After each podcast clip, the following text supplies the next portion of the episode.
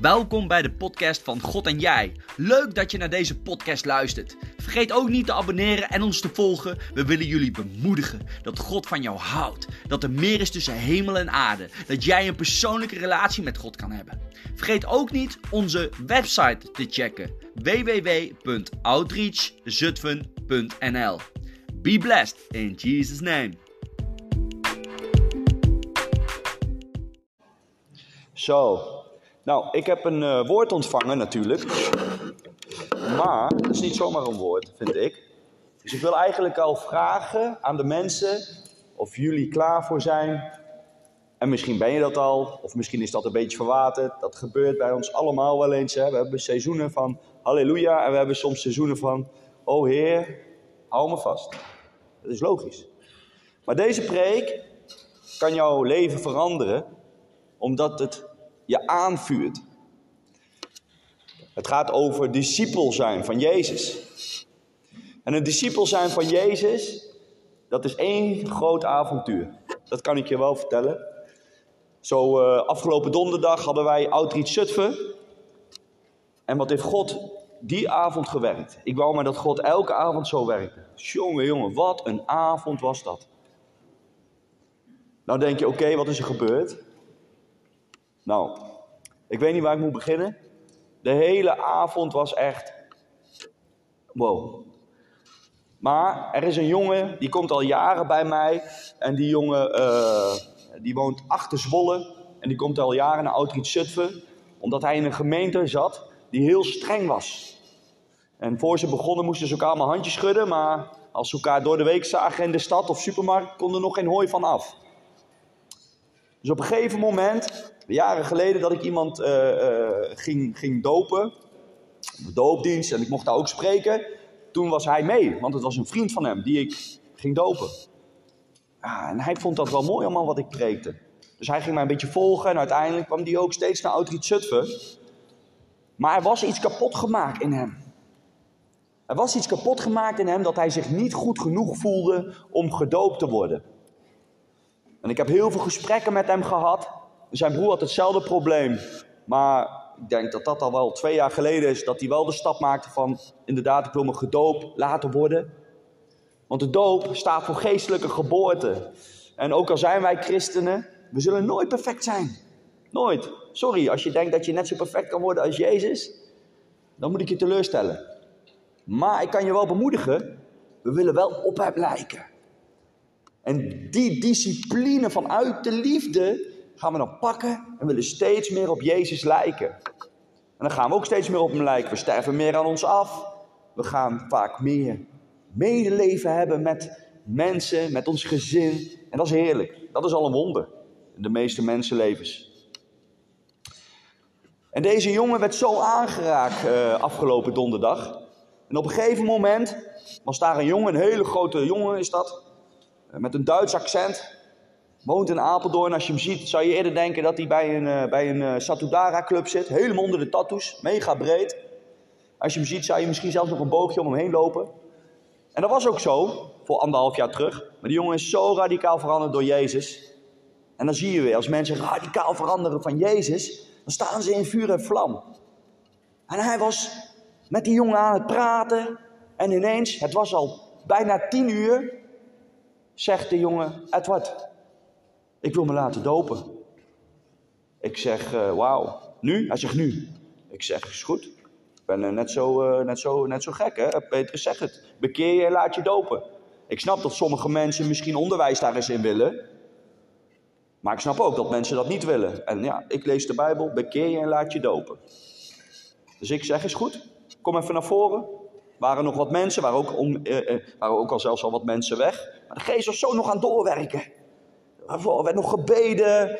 Ja, er werd zelfs samen gehuild omdat de bemoediging werd gezegd en werd vergeven. Het was ongelooflijk die avond. En de preek had een hele simpele boodschap hoor. We hadden gewoon een jongen uitgenodigd die vroeger moslim was en tot geloof was gekomen. Zwerven is geweest, noem het maar op. En hij preekt alleen maar over de liefde van Jezus. Hij zei alleen maar, niemand zag mij staan, niemand. Ik ging vijf keer per dag bidden, ook, ik voelde niks, nog steeds zag niemand mij staan. Maar ineens was Jezus daar en Jezus zag mij staan. Dat werd eigenlijk gepredikt. En die liefde kwam zo vrij onderling.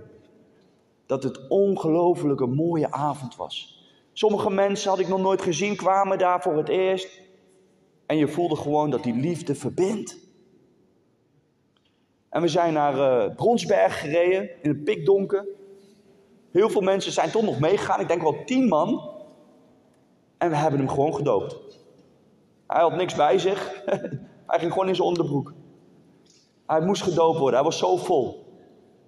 En gisteren uh, sprak ik in Harderwijk bij een mannenavond. En dit is een clubje mannen. Daar zitten hele oude baasjes onder de tattoos. Mensen die net bekeerd zijn van oude gangsters, noem het maar op. En ik maak daar ook deel van in de leiderschap samen met een andere leider, Jean-Paul uit Almere. En we hadden de eerste samenkomst. We kenden elkaar alleen van de WhatsApp-groep. We hadden een WhatsApp-groep aangemaakt. En als we mensen tegenkwamen, ja, die bemoedigd gewoon wilden en het nog een, in de kerk nog niet goed konden vinden, konden begrijpen. Ja, dat, dat wilden wij hun hè, aansporen. Nou, er gebeurt heel wat in die chatgroep. Ook echt, er moet nog heel veel geslepen worden, maar ik hou daarvan. Want ze houden van Jezus. En gisteravond hadden we zo'n avond. Wat was dat ook? Een mooie avond. Martin was daar. We hadden, op een gegeven moment moet je nagaan, al die gasten, sommigen waren altijd al gelovig geweest, maar konden het niet vinden in de kerk. Anderen waren net pas tot geloof. Anderen, weet ik het, van alles zat daar. En we eindigden met z'n allen op onze knieën. En we gingen Jezus aanbidden. Oh, wat een dienst was dat. En het gebeurde gewoon spontaan. Eigenlijk was het gewoon een meeting. Ik zou daar even spreken. En daarna zouden we groepjes maken om voor elkaar te bidden. Maar als we de geest van God ruimte geven in ons leven. En ja, het was natuurlijk geordend. Maar anders geordend als dat wij soms denken dat het moet. Ik ben nog steeds vol vuur. Van donderdag, van gisteren. En dat komt alleen maar simpel door de liefde van Jezus. Hoe hij mensen harten aanraakt. Maar daarvoor heeft hij ons allemaal nodig hoor.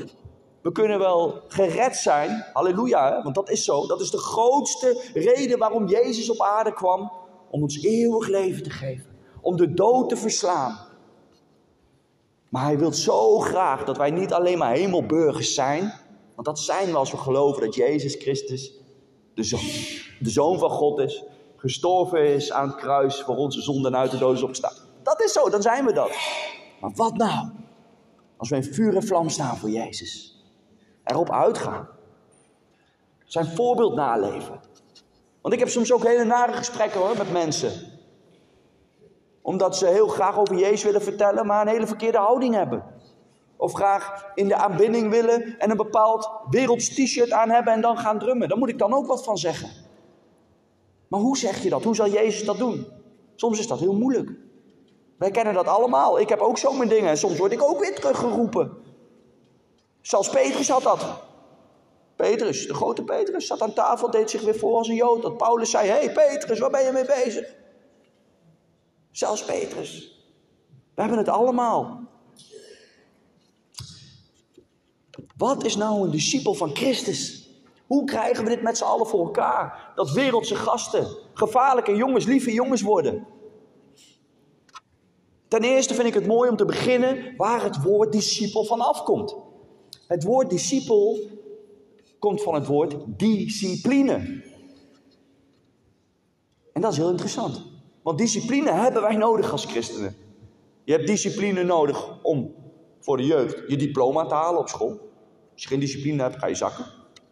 We hebben discipline nodig om naar ons werk te gaan. Zeven uur de wekker, uh, dat is ook niet altijd fijn. Daar hebben we discipline voor nodig. Van alles wat je graag wilt echt bereiken, hè? Als je hoog wil klimmen in je werk, heb je discipline nodig om misschien maar even eentje harder te werken. Voor de topsporters, je moet op dieet, je moet op je voeding letten. Je kan niet alles doen op tijd en bed. Je moet discipline hebben. Om een artiest te worden, dat komt ook niet vanzelf. Is discipline voor nodig. Maar zo is het ook om een volgeling van Christus te zijn. En waarom lukt het mensen om die discipline op te brengen. In de wereld zien we dat, omdat ze passie voor iets hebben. En als wij passie voor Jezus hebben, dan is die discipline heel makkelijk. Want het is flauwekul om te zeggen, ja, als je christen bent, gaat alles vanzelf. Oh nee, de duivel zit niet stil, jongens. De duivel zit niet stil. Daarom worden we ook bemoedigd, hè? Efeze 6, de wapenuitrusting. Het is een geestelijke oorlog. En dan ineens kom je je eigen karakter tegen, waar je misschien, hoe je bent opgevoed, waar je naar, naar keek, wat je, wat je luisterde, noem het allemaal maar op. We moeten echt sterven aan onszelf. En discipline kunnen wij alleen maar onderhouden elke keer als we weten waar het om draait.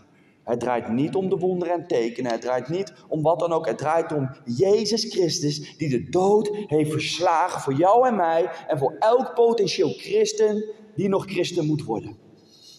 Want God houdt van alle mensen. Hij houdt van moordenaars en noem het maar op. Dat kunnen wij soms niet begrijpen. Maar toch is het zo. Paulus, de grote Paulus, was ook een moordenaar in principe. Was een uh, nare man voor christenen. God had hem op het oog. En er zijn zoveel mensen die God op het oog hebben, maar niet bereikt worden omdat er religie is. Omdat mensen op hun afstappen en meteen iets zeggen wat misschien waar is, maar daar zijn ze nog helemaal niet aan toe. Het eerste wat een mens moet raken is de liefde van Christus.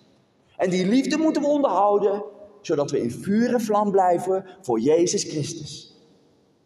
Zo simpel is het eigenlijk. Als wij verliefd blijven op Heer Jezus, dankbaar blijven, dan is discipline heel makkelijk. Ik wil een Bijbeltekst met jullie lezen. Dat staat in, uh, in Lucas 9, vers 23. Ik ga het voorlezen. En hij zei tegen allen: Als iemand achter mij wil komen, moet hij zichzelf verloochenen. Zijn kruis dagelijks opnemen en mij volgen. Hier liet Jezus eigenlijk al dat discipelschap inhoudt dat we dus ons eigen leven, onze eigen verlangens en ons eigen wil opgeven ten gunste van Gods wil. En als wij radicaal tot geloof komen, dan zijn we soms iets te. Ik herken dat in mijn eigen leven, misschien zitten meer mensen hier, dan ben je net iets te. Dat is logisch. Als je verliefd bent, dan ben je ook soms iets te. Hè? Dan kunnen je vrienden je gestolen worden, noem op. Je wil alleen bij je meisje zijn. Maar zo is het ook. Als we Jezus leren kennen. Als aangeraakt worden door zijn liefde. En dan hoef jij niet meer te zeggen, hé, wat jij doet is zonde. Nee, dat doet Jezus zelf. En dan komt die persoon naar je toe om daarover te praten. En dan gaat het organisch. Want zo wil God werken, ben ik achtergekomen in mijn leven. En van andere mensen die ik mag discipelen, hoor ik dat ook in hun leven. Zij veranderen omdat er ineens een belletje gaat rinkelen. Omdat ze het zelf lezen in de Bijbel en omdat het woord leeft spreekt het terug. En daarom is het zo mooi om Bijbel te lezen.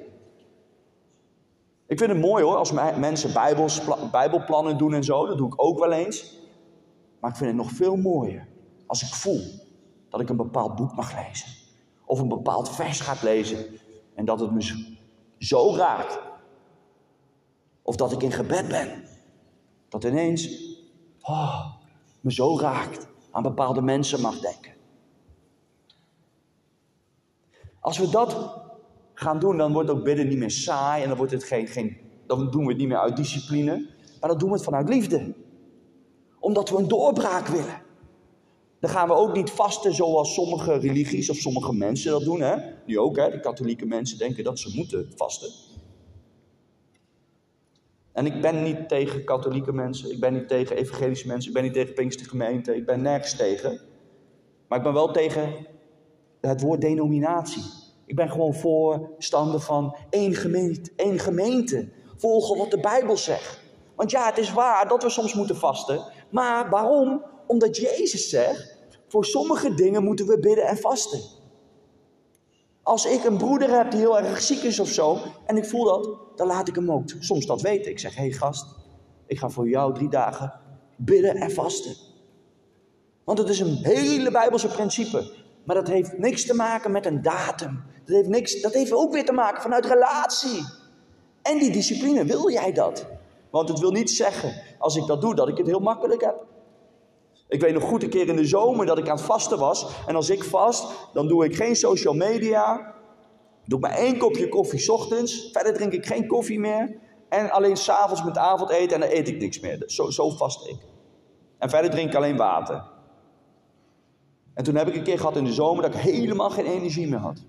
Dat ik echt, kijk, oh, over een uur heb ik eindelijk weer eten. Ik kon niet meer.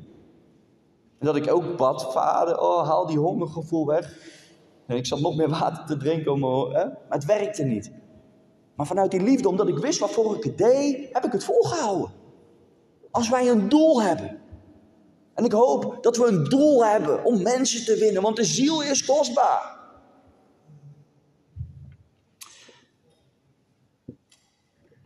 Johannes 13, vers 34 tot 35 wil ik lezen. Dit past namelijk heel mooi bij het stukje wat ik net probeerde ook wat duidelijk te maken. Johannes 13, vers 34 tot 35 staat: Een nieuw gebod geef ik u, dat u elkaar lief hebt. Zoals ik u lief gehad heb, moet u ook elkaar lief hebben. Hierdoor zullen allen inzien dat u mijn discipel bent. Als u liefde onder elkaar hebt. Ja, Jezus laat ons dus echt zien dat liefde voor elkaar een teken is van discipelschap. Het betekent dat we anderen lief hebben zoals Hij ons heeft lief gehad. En nu ga ik iets doen wat, wat soms moeilijk is. Maar ik kreeg toch op mijn hart om dit te doen. De duivel, wat ik al zei, die zit niet stil. En die, die weet dat wij als christenen heel graag mensen willen vertellen over Jezus. Omdat Hij de enigste weg is naar de Vader. En dat is, dat is niet van, oeh, nee, dat is uit liefde verteld door God. Om de mensheid te redden. Hij is de sleutel. Want elke religie heeft discipline, heeft vrede, heeft rust. Ik heb heel veel vrienden die niet geloven of een ander geloof hebben. En die beweren dat. Dus wie ben ik om dan te zeggen dat dat niet zo is? Dat is onzin. Ik geloof dat. Maar wat maakt nou ons geloof dan zo uniek? Dat is dus dat jij en ik niet ons best hoeven te doen. Dat staat toch in 1 Corinthië 13. Al geef je je eigen leven, maar zit daar geen liefde bij. Nou, dan had je net zo goed nog 30 jaar kunnen leven, want het had geen zin. Dat is heftig. Kom je in de hemel zeg je, ik heb mijn leven gegeven. Ja, maar je hebt het uit religie gedaan. Er zat geen liefde bij. Je had net zo goed nog 30 jaar kunnen leven. Ons geloof is gebouwd uit liefde. Daarom is Jezus gekomen. Voor elk mens. Zelfs de mensen die hem bespuugden. Wat zei hij? Vader, vergeef het hun, want ze weten niet wat ze doen. Al die mensen die ons wat hebben aangedaan, weten niet wat ze doen. Waarom niet? Ze kennen de liefde van Jezus niet. De liefde transformeert. De liefde heeft mij getransformeerd. Twee weken geleden heb ik ook iemand mogen dopen. En dat was een heel groot wonder voor mij. Toen ik net tot geloof kwam, dat is tien jaar geleden, ging ik heel veel om met een jongen. We deden zelfs een beetje samen tatoeëren. En toen, uh, toen ik tot geloof kwam, nou, hij maakte me belachelijk bij mensen, hij maakte mijzelf belachelijk. Hij was aan het stoken, noem het maar op. Heel vervelend. Hij was zelfs zo boos dat hij dingen zei dat ik echt dacht, nou, die spoort niet. Het was echt een geestelijke oorlog. Uiteindelijk zei hij zelfs een keer, toen moest ik lachen. Want zonder dat hij het door had, was hij mij aan bemoedigen in plaats van kleineren. Hij zei letterlijk tegen mij: Ach, Edward, je lijkt wel een schaapje die achter iemand aanloopt. Ja, de Heer is mijn herder. En mij zal het niet ontbreken. Dus had nog gelijk ook. Dus ik zei niks op terug. Maar wat ik wel deed, omdat het een goede vriend altijd was. Ja, ik dacht: Oké, ik ben zo veranderd. Ik doe geen gekke dingen meer die we samen deden. Hij denkt misschien dat ik in een secte zit. Dat zei hij ook. Dus ik dacht: Weet je wat, ik blijf gewoon in de liefde, meer niet. En dat deed ik jarenlang. En twee weken geleden mocht ik hem dopen. En dat vind ik heel bijzonder. Het heeft tien jaar lang geduurd. Maar omdat ik ervoor koos, omdat ik zijn hart kende. En ik dacht, laat maar, hij begrijpt het niet. Hè? Dat staat ook in de Bijbel geschreven. Ze begrijpen ons niet. Maar ik ben in de liefde gebleven. Ik heb hem niet veroordeeld. Als hij een keer langskwam of zo, weet ik veel wat. Nou, dan kon dat gewoon. Maar ik hield wel kort. Want vaak had, kwam hij met, een, met, toch met, met hè, leugens van de wereld. Maar dit gebeurt er. Wanneer wij mensen vergeven. Wanneer wij geen smet in ons hart laten. Want De blokkade die de duivel in mijn leven heeft geprobeerd, en ik denk ook in jullie leven, en misschien zit die blokkade er nog steeds, is dat wij mensen niet willen vergeven. En dat is een hele grote angel van de duivel. En misschien zitten hier wel mensen die zeggen: Ik wil zo graag vergeven, maar ik kan het niet. En nou ja, misschien zitten er ook wel mensen die zeggen: Ik kan het niet en ik wil het niet. Want dit is vreselijk wat mij is aangedaan. En in de wereld heb je ook gelijk. Waarschijnlijk als je naar de politie gaat, of naar de politie daarvoor was geweest, had die persoon straf gekregen. Maar toch zegt God: drink niet van je eigen gifbeker.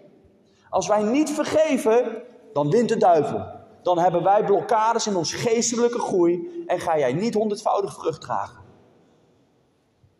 Ik heb ook dingen moeten opruimen. En in de wereld had ik gelijk. In de wereld had ik zelfs gelijk als ik er naartoe ging en een paar stompen had verkocht, die persoon. Maar dat wil God niet. God is anders. God is liefde. We moeten soms niet onze gelijk willen. We moeten als Jezus zijn. En het is mogelijk ook voor een mens, want Stefanus deed het ook. Heer, vergeef het ze, want ze weten niet wat ze doen. En ik denk dat dit een moment is dat we even onze ogen mogen dicht doen. Dat er misschien iemand is die nou in je hart mag komen voor je netvlies weer. En dat je gewoon mag zeggen, Heer, ik wil deze persoon misschien niet vergeven, maar kom mij tegemoet. Want ik weet dat ik het wel moet doen. Want dit is de gifbeker die ik nu tot mij neem. En ik weet zeker, want zo heb ik ook gebeden. Ik zei, Heer, die en die en die en die hebben mij dit allemaal aangedaan. Ik kan ze niet vergeven. En stiekem wilde ik zo niet vergeven. Maar God was zo goed dat hij toch liet zien. Edward, ik wil jou wel gebruiken. En dit geldt voor jullie. Hij wil jou gebruiken, maar door die blokkades is er een blokkade. De duivel lag. Wil je dat de duivel lag? Nee. Zeg dan, Vader, ik kan het niet, maar u kunt het.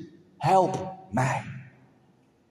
En ik wil je ook echt vragen, als dat zo is, zeg dat in je hart. Ik hoef het niet te weten. Je buurman hoeft het niet te weten. Maar God moet het weten. Dat hij in jouw hart mag komen om te werken. Zodat de blokkade wordt opgeruimd. En dat je vol vuur kan gaan voor Jezus. En dan zal je merken dat zijn bloed je schoon was.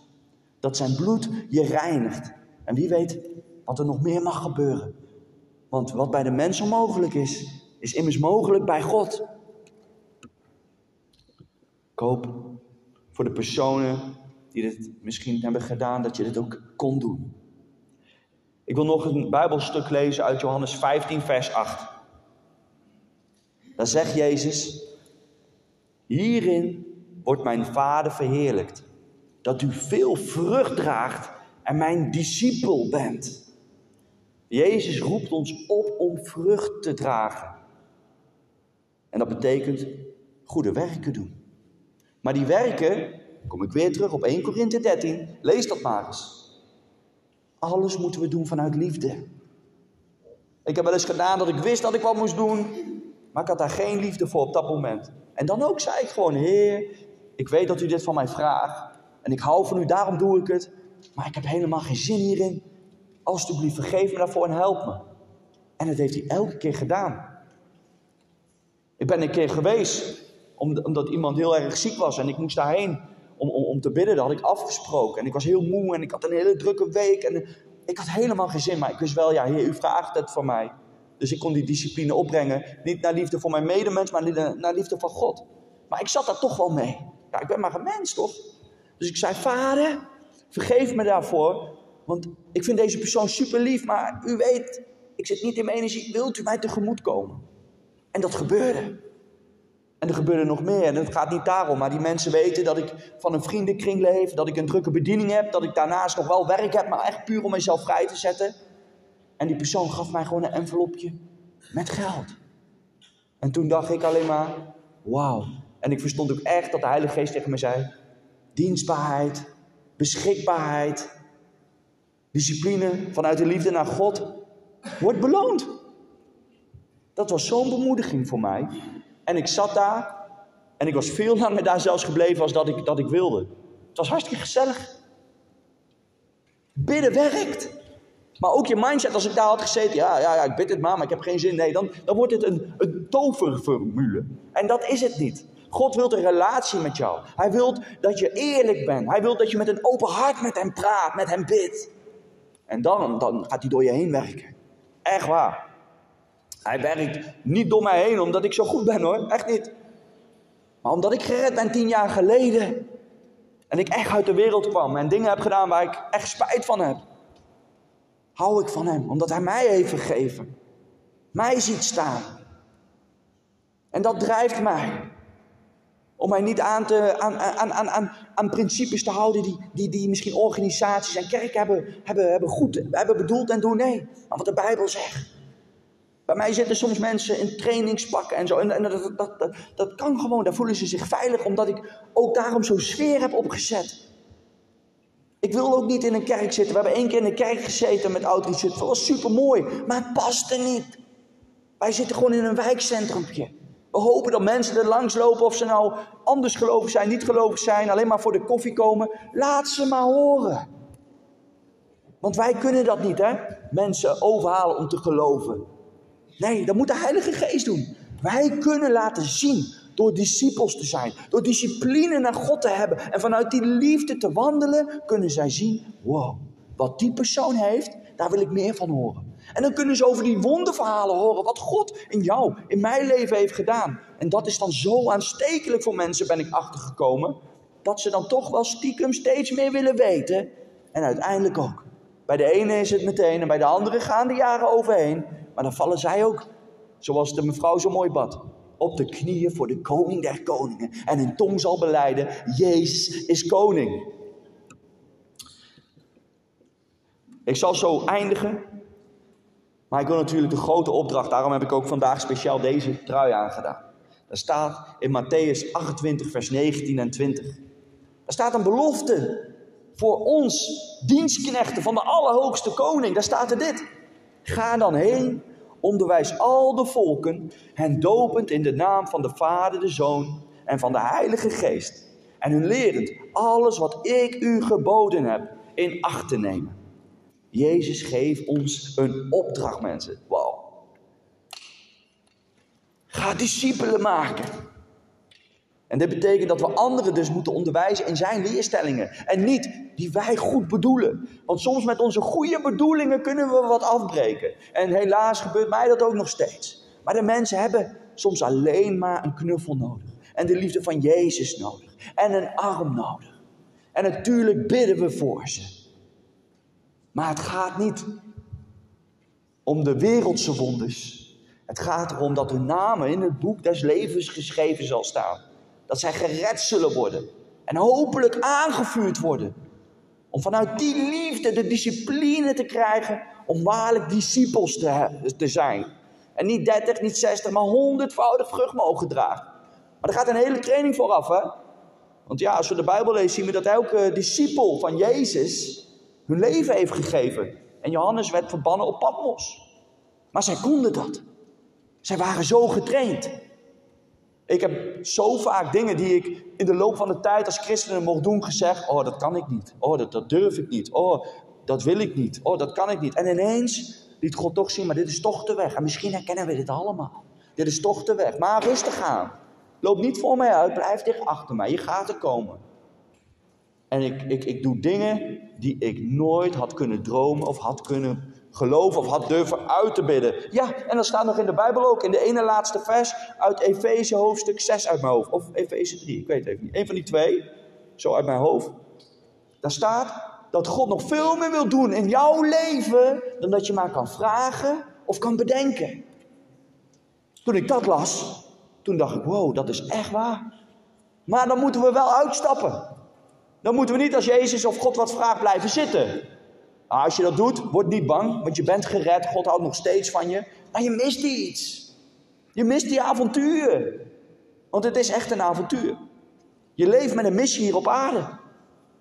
Je hebt je leven als het goed is gegeven aan Jezus. En je leeft voor die grote opdracht. En als je dat niet doet, ja, dan gelukkig ben je gered. Dan zien we elkaar allemaal heerlijk terug in de hemel. Maar hoe mooi zou het wel niet zijn als je de hemel bent. Dat daar allemaal mensen staan en zo dankbaar zijn dat jij op hun pad bent gekomen. Omdat ze door jou de liefde van Jezus hebben gezien. Dat je een waarlijke discipel niet alleen was in je binnenkamer, maar dat de mensen van buiten weten. Ja, de ene zou zeggen, nou die is gek. En de anderen zullen zeggen, oeh, die is heel erg gelovig. Maar er zullen ook anderen zeggen, ja, dat zijn christenen, dat zijn fijne mensen. Als ik uh, uh, afgelopen woensdag nog gaf ik les. En toen was er een jongen. En die wou bijna het GVD-woord zeggen. En hij zag een bandje, waar ik altijd zo'n bandje om, daar staat op Jesus. Hij zegt, oeh, oeh, oeh. Hij hield zich in, hij zegt sorry. Ik zeg, ja, je moet zelf weten wat je zegt. Maar eigenlijk zeg je dat je zelf maar uh, dom moet zijn. En, uh, dus eigenlijk best wel, ja, dat is. Ja, maar volgens mij ben jij heel erg gelovig. Dus ik met een knipoog, ja, heel erg gelovig. Ik preek in kerken. En toen moest hij lachen. Ik zeg, weet je, je moet je niet anders voordoen als bij mij. Toen ik net tot geloof was, was ik er ook niet meteen. Maar als jij wil stoppen met schelden, dan kan God je daar wel mee helpen. Heeft hij bij mij ook gedaan. Ik kom uit een werelds leven. Ik had, ik had stopwoordjes, die, die ik geen eens meer te zeggen. En dat was heel normaal. Maar God verandert ons. Maar niet omdat ik dat wilde, maar omdat zijn liefde zo sterk was. En ik die discipline kon opbrengen. Voordat ik ga stoppen, wil ik nog één ding zeggen. Dat is, 30 maart is er weer een evangelisatieactie.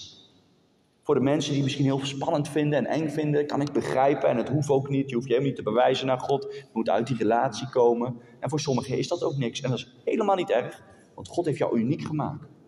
Maar als je dat toch wel een keer wil, maar niet weet hoe je moet beginnen, dan is dit wel een kans, want het is heel makkelijk. Het is van half elf tot smiddags, maar een paar uurtjes. En al kom je een kwartiertje helpen. Je krijgt rozen.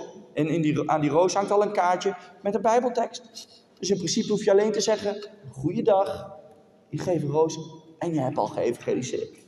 Maar, ik kan je vertellen, ik heb wonderen op straat meegemaakt. Niet, niet, niet, niet, niet, niet 100% helaas, hè? dat zou helemaal mooi zijn, iedereen die je aanspreekt. Maar nee, maar ik heb wel eens wonderen meegemaakt.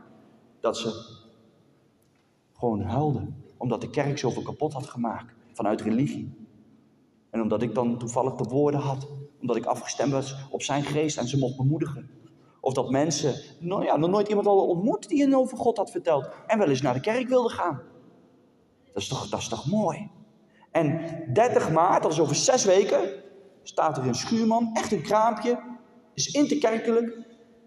En als je mee wilt doen, dan kan je mij mailen of de EGZ mailen en dan zal ik jouw uh, naam opgeven aan de, aan de desbetreffende persoon die graag uh, dat dan weet, omdat die de, de, hoofdorganisator is. Maar straks bij de koffie, tik mij rustig aan als je meer daarover wil weten. Maar ik dacht, dit past toch wel goed bij de preek om daarmee af te sluiten. Ik hoop dat ik jullie een beetje mag aanvuren en, en jullie nog enthousiaster mag maken dat je, dat je moet leven vanuit relatie. Amen.